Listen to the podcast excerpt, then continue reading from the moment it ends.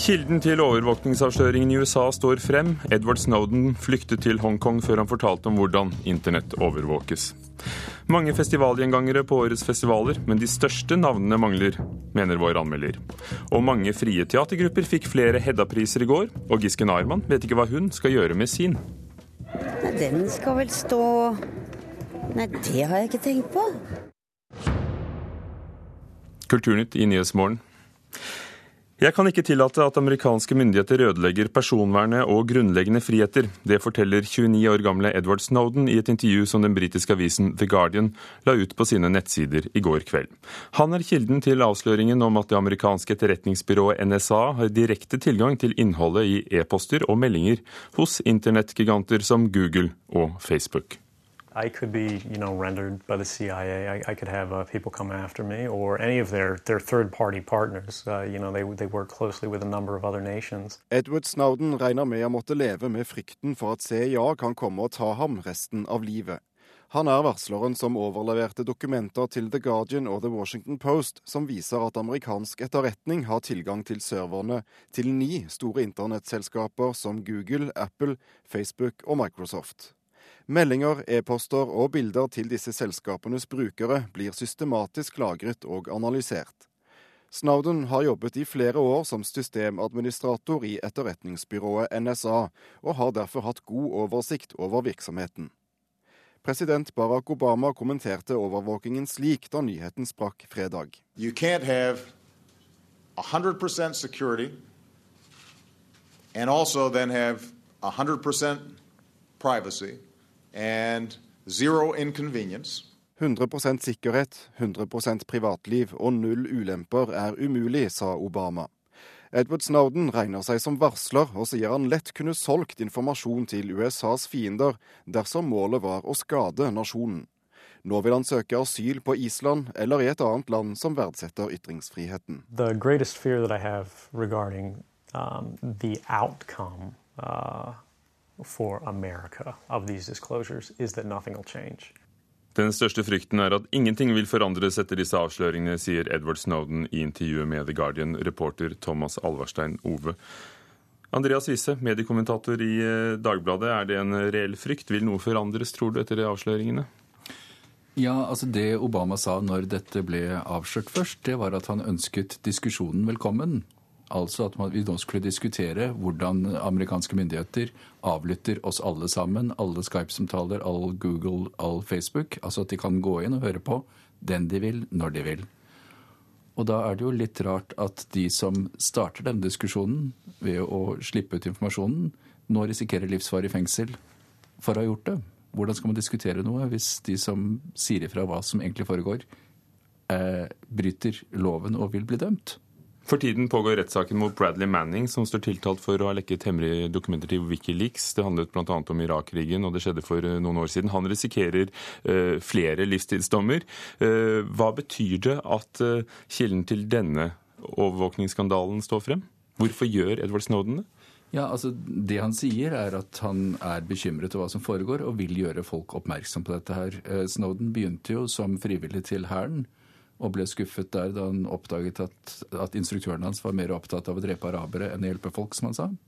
Slik at derifra så brakk han beinet, og så ble han langsomt ansatt inn i CIA, og siden inn i et privat contracting-selskap, som det sier, som, som eh, sitter på disse opplysningene dette her. Og en av paradoksene som har skjedd med dette, her, er jo at nettopp fordi overvåkingsapparatet er blitt så gigantisk, bare NSA ansetter 25 000-50 000 mennesker, så blir det flere og flere mennesker som vet mer og mer. Men da blir det også flere og flere mennesker som kan lekke denne informasjonen. Og Snowden er en av de mange mange tusen som jobber med dette nå. Hva risikerer han fremfor det amerikanske rettsvesenet? Han risikerer livstid fengsel, og det er livstid på alvor. Mange ante jo at dette skjedde, og når det er så mange titusener som arbeider med saken, hvordan er det mulig at, eh, at bevisene ikke er kommet på bordet før nå?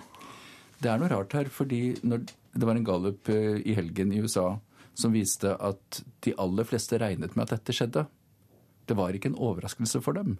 Altså Hvis vi tenker oss om, så har vi egentlig alle sammen på en måte trodd at de overvåker nok.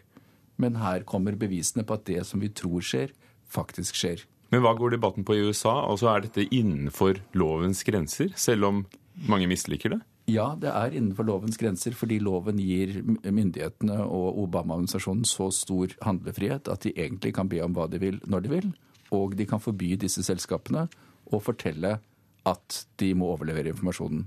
Det er hemmelig å si ifra at man må overlevere folks private hemmeligheter. Hvem har tatt denne overvåkningen i forsvar? For de fleste er jo for en form for overvåkning.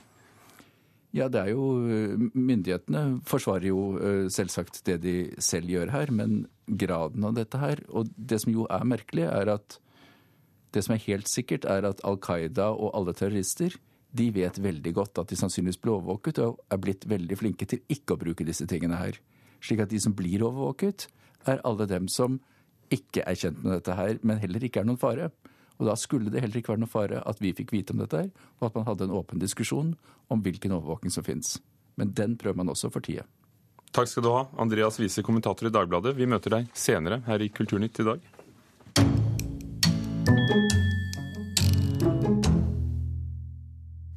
Denne uken er det for alvor i gang med festivalsesongen. Det skjer med Bergenfest i Bergen og Norwegian Wood i Oslo. I år er det mange, både norske og utenlandske gjengangere på de forskjellige festivalscenene. Her er hovedscenen. Der på den andre plenen der borte ved scene to, som heter Bastionen. Festivalområdet til Bergenfest er i ferd med å ta form. Denne veka starter festivalsesongen i Norge for alvor. Og festivalsjef Frank Nes vet at det gjelder å stikke seg ut. Altså, vi må bare være gode, vi. Så er vi gode nok, så kommer publikum. Og det, det, er, det er ikke verre enn det. Men det er mange gjengangere på de norske festivalscenene. Mellom de utenlandske artistene som skal spille i Bergen, som også skal på andre festivaler, finner vi Biff Clyro, Lizzie og Nick Cave.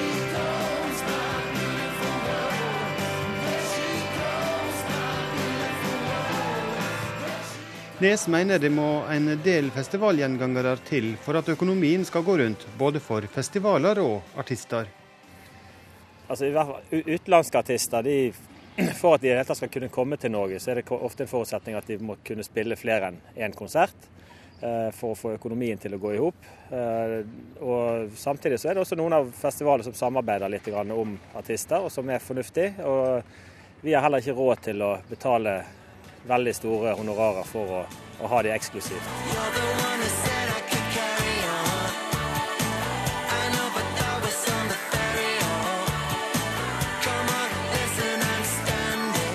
Morten Abel, Carpe Diem, Big Bang og Kaises Orkestra er de norske artistene som skal gjøre flest festivaler denne sommeren. Per Åsmundsvåg i bookingbyrået Atomic Soul sier festivalene har blitt en viktig arena for artistene både eh, at man eksponeres til en helt ny målgruppe som tilfeldigvis kanskje er ved scenen, eh, som ikke hadde tenkt å se bandet. Eh, og det er jo den største publikum mange band har i løpet av året. Så nei, det er, det er veldig viktig. Det er en sånn hjørnesten i, en bands karriere.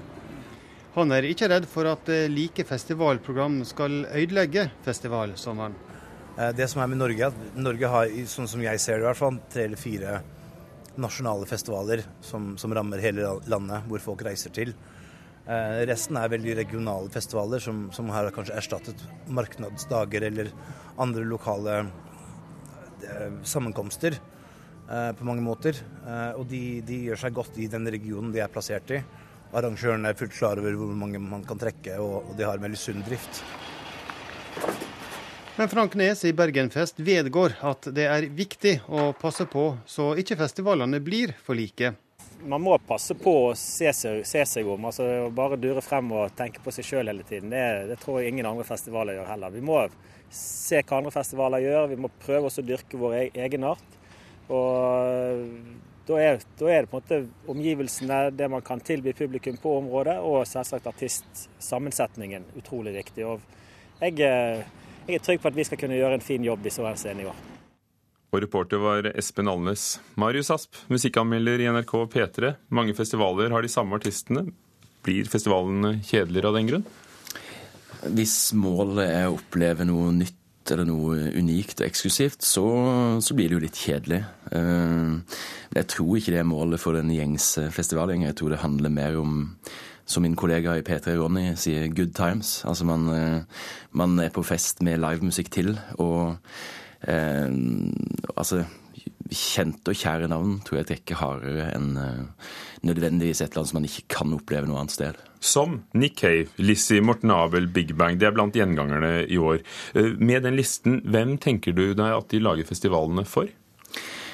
Jeg ser vel for meg en målgruppe med folk hovedsakelig kanskje mellom 30 og 50 år, eh, som har rimelig velfylte lommebøker.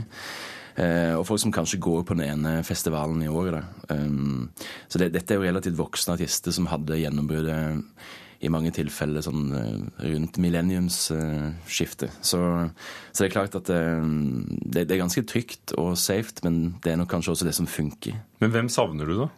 Hvem hadde vært de største navnene for deg? Akkurat for min egen del så tenker jeg at det, det, det, handler mer om altså Som musikkinteressert tror jeg nok det handler mer om den riktige artisten enn nødvendigvis den største. Men, men, før har man jo hatt um, Man har hatt JC på HV, man har hatt Kanye West på øya. I fjor var Rihanna i Kollen. Og, um, og dette er folk som drar uh, publikum helt i seg sjøl, helt uavhengig av resten av festivalprogrammet. og Noe sånt savner jeg vel kanskje i år. I Sverige så har den kjente Hultsfredsfestivalen hatt eh, veldig labert billettsalg. Peace and Love, en annen kjent en, er lagt ned. Mens i Norge så melder de om godt forhåndssalg. Er det eh, publikum i Norge eller kvaliteten på festivalene som er forskjellig? Jeg tror ikke det er kvaliteten, men jeg tror det handler om at eh, det er flere festivaler i Sverige. Jeg tror ikke nødvendigvis eh, kjøpekraften øker proporsjonalt med det. Og så innbiller jeg meg at kanskje norske festivaler er hakket mer subsidiert av lokale krefter. Hvilken festival imponerer deg i år? Eh, jeg vil vel si at Øya som vanlig de har en god blanding av etablert gamle helter og, up and coming navn. Og der kommer kanskje hiphop-legendene Wutan Klan, for det er eh, ofte at de ikke dukker opp, er det ikke sånn? Jo, de begynte jo å slåss på flyplassen når de skulle spille på Kalvøya i 1997, og har vel heller ikke vært her etterpå med, med fullt band, så nå, nå, satser vi på at de kommer. Det kan bli kult. Takk skal du ha, Marius Asp i P3. Klokken er 17 minutter over åtte. Du hører på Nyhetsmorgen i NRK. Overskriften i dag. Fremskrittspartiet vil bruke nesten et helt statsbudsjett på å bygge vei og bane. Urealistisk, ifølge Kristelig Folkeparti. Valutasmuglingen øker kraftig. Tollvesenet har beslaglagt over 17 millioner kroner hittil i år. Og forfatter Lars Ove Seljestad har skrevet dikt om fabrikk med trøkk og substans, ifølge vår kritiker.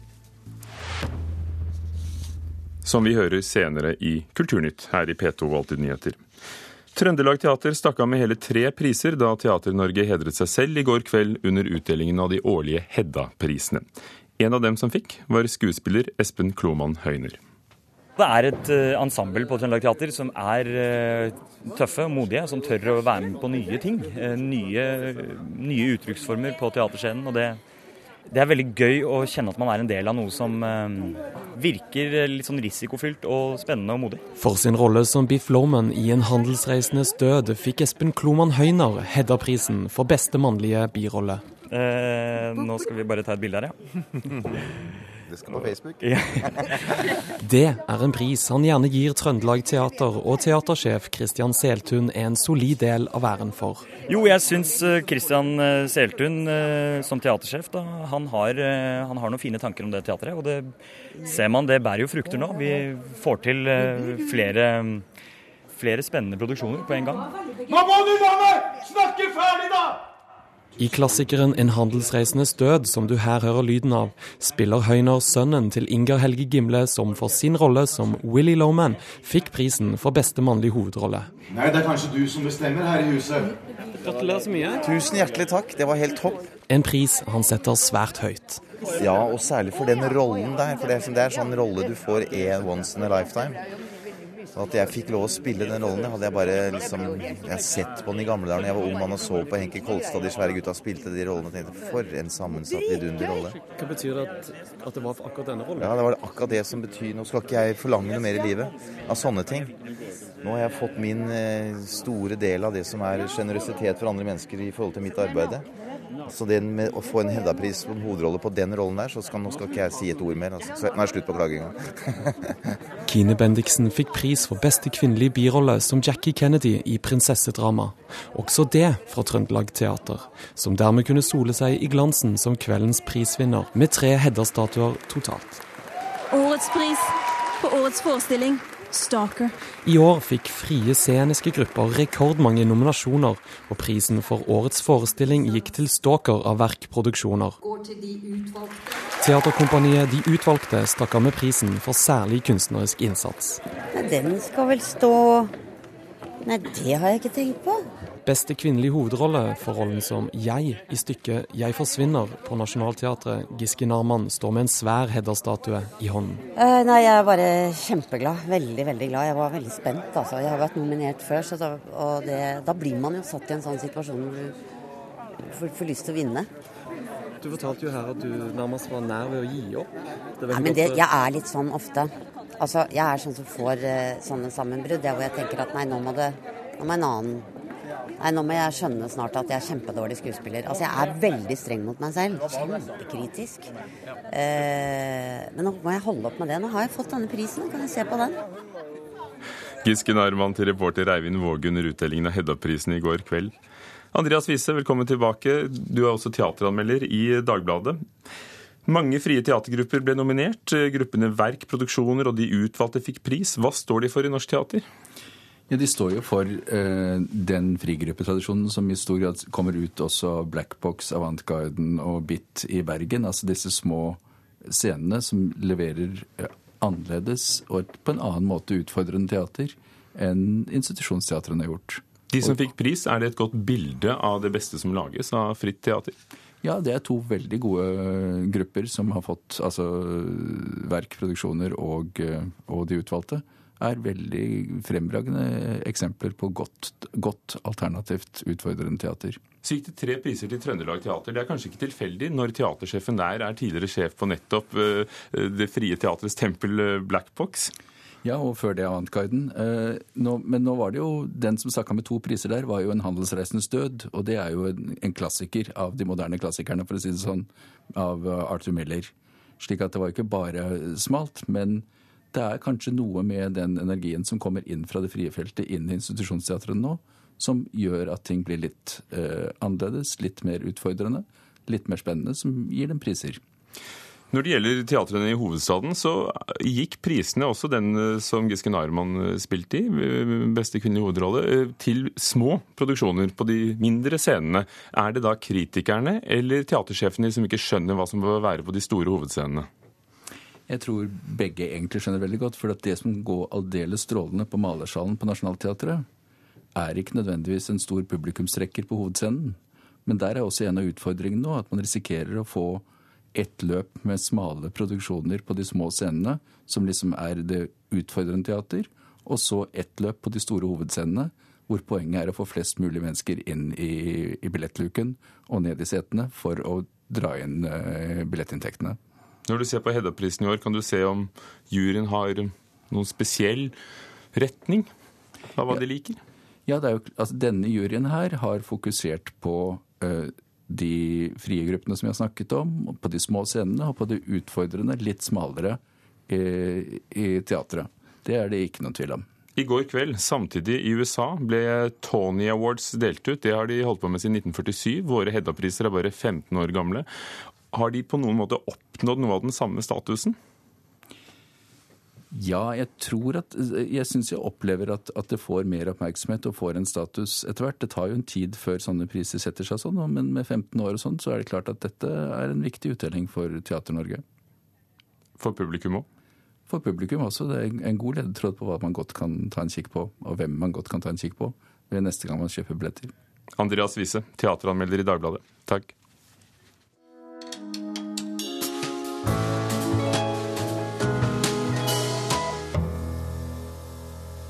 I forrige uke lanserte forfatter Lars Ove Seljestad sin første diktsamling, 'Storspring fabrikkdikt'. Det var knapt å unngå at han havnet i skyggen av en annen, Jo Nesbø. Dette er et nyskapende, originalt verk. Norges første fabrikkdikt. Det er min debut etter fire store romaner som poet. Som en vei ikke alle går. Jeg tenkte faen ta, altså. Nå må vi ut og fortelle folk dette. her mens eh, Nesbø rocker på Rockefeller scene. Så står jeg i et sirkustelt nede på kaien i Odda og selger bøker som jeg har kjøpt av forlaget. Lars Ove Seljestad tok skjeen i egen hånd, og vår anmelder Marit Grøtta synes at Seljestads dikt har både trøkk og substans. Industrien på Vestlandet har dannet utgangspunkt for mange norske romaner. Lars Ove Seljestads debutroman 'Blind' fortalte om livet til en arbeidersønn fra Odda, og skrev seg dermed inn i en norsk tradisjon. I hans første diktsamling handler det fortsatt om industrilivet. Men hvordan skriver man dikt om fabrikken? Seljestad gjør det ved å la fabrikken selv komme til orde. På første side leser vi Kom, pust for meg, vesle son, pustar fabrikken. Eg skal pusta deg lykkeleg, eg skal puste av deg trøtt. Trøtt og lykkeleg skal eg av deg, vesle son av fabrikken. Seljestad gir altså fabrikken liv, og lar den tale en messende tale, full av rytme og gjentagelser. Men også et jeg, eller et eg, kommer til orde. Dette jeget beskriver hvordan fabrikken puster gjennom kroppen, puster gjennom hud og hår, puster neseborene like svarte som fabrikken. Denne besjelingen fungerer godt. Den fyller kroppen, deler opp tiden. Fabrikken er altoppslukende. Den er skjebne, identitet, liv og død. Den messende talen blir tidvis monoton, men brytes opp av små ordspill, blødmer og rim. Her har Seljestad lært noe av Kjartan Fløgstad. Fabrikken som skjebne var tema også i romanen Blind. Der ble janteloven reformulert som Oddaloven. Du skal ikke tro at du er noe bedre enn oss, arbeiderne, og du skal ikke tro at du kan bli noe annet og reise herfra. Med sine fabrikkdikt gir Seljestad oss fabrikkloven. Den forteller at fabrikken krever arbeideren med hud og hår. Den er kropp, pust og liv. Dette tar Seljestad ett steg videre når han dikter fabrikken inn i skapelsesberetningen og Fader vår. I opphavet var fabrikken, leser vi. Seljestad bruker altså fabrikkens symbolske kraft for alt den er verdt. Ved hjelp av beskjelinger og besvergelser viser han oss arbeiderideologiens mytologiske dimensjoner. Det handler om skjebne, identitet og fellesskap. Diktene formidler en ambivalent holdning til denne ideologien. Den veksler mellom stolthet og avmakt, mellom vitalistisk bejubling og kritisk avsløring. Kritikken kommer særlig til uttrykk i samlingens siste diktbolk, der moderne eierskapsformer beskrives. Her møter vi et opphavsmysterium av religiøse dimensjoner. Selskaper kjøpes opp, gjenoppstår, splittes og er ikke lenger sporbare som egne selskap. Seljestad er på sitt mest interessante når han er på sporet av fabrikkens metafysikk. Det svinger av diktsamlingens første halvdel og det er lett å se for seg at den er egnet for opplesing. I partier har diktene noe av det samme trykket som debutromanen. Annen halvdel er mer krevende lesning. I et deskriptivt og nøkternt språk beskriver Seljestad produksjonsprosessene med ord som kalsiumkarbid, cyanamid, kalkstein og kjølehus. Dette er ikke så god poesi, men konkretiseringen gir likevel noe til helheten. Selv om den ikke er helstøpt eller feilfri, har Seljestad skrevet en god og ikke minst interessant diktsamling, med trøkk. Marit Grøtta om storspring fabrikkdikt. Tolv år gamle Joakim Rødbergshagen fra Trondheim fikk den gjeveste prisen i konkurranse med 116 av verdens fremste fiolintalenter denne helgen. Han var yngste deltaker i en masterclass i Kronberg utenfor Frankfurt i Tyskland, der han får undervisning av verdens fremste lærere. TV-seere husker nok unge Joakim Rødbergshagen da han sammen med Arve Tellefsen gjestet Lindmo på NRK1 i fjor høst. Supertalentet som rørte Tellefsen til tårer, vant en pris på 1250 euro i Tyskland i helga, og møtte noen av verdens fremste fiolinpedagoger. Det har vært veldig lærerikt og veldig stor opplevelse. Jeg spiller bra, men så er det noen ting som jeg må jobbe videre med. Stolt og glad, men også lysten på å lære mer av de store mesterne. I helga har han spilt for flere av dem, og Joakim imponerte med Subito, et stykke av den polske komponisten Witold Lutoslavskij. Det er ikke noe spesielt pent stykke, men det er veldig sånn tøft og ja, det er morsomt å spille det. Her hjemme er det Bård Monsen som underviser supertalentet, og han er ikke i tvil om at deltakelsen i Kronberg er gull verdt for Joakim Rødbergshagens videre karriere. Nei, det er klart Joakim er i en eh, alder der det å motta impulser fra så dyktige lærere, og få hørt folk på hans egen alder og litt eldre som spiller på så høyt nivå som de gjør der borte, det er gull verdt. Og reporter her var Grete Tobro. Kulturnytt i dag var ved Hans Ole Hummelvold, teknisk ansvarlig, Vidar Sem, produsent, og programleder Ugo Fermariello. Hør flere podkaster på nrk.no podkast.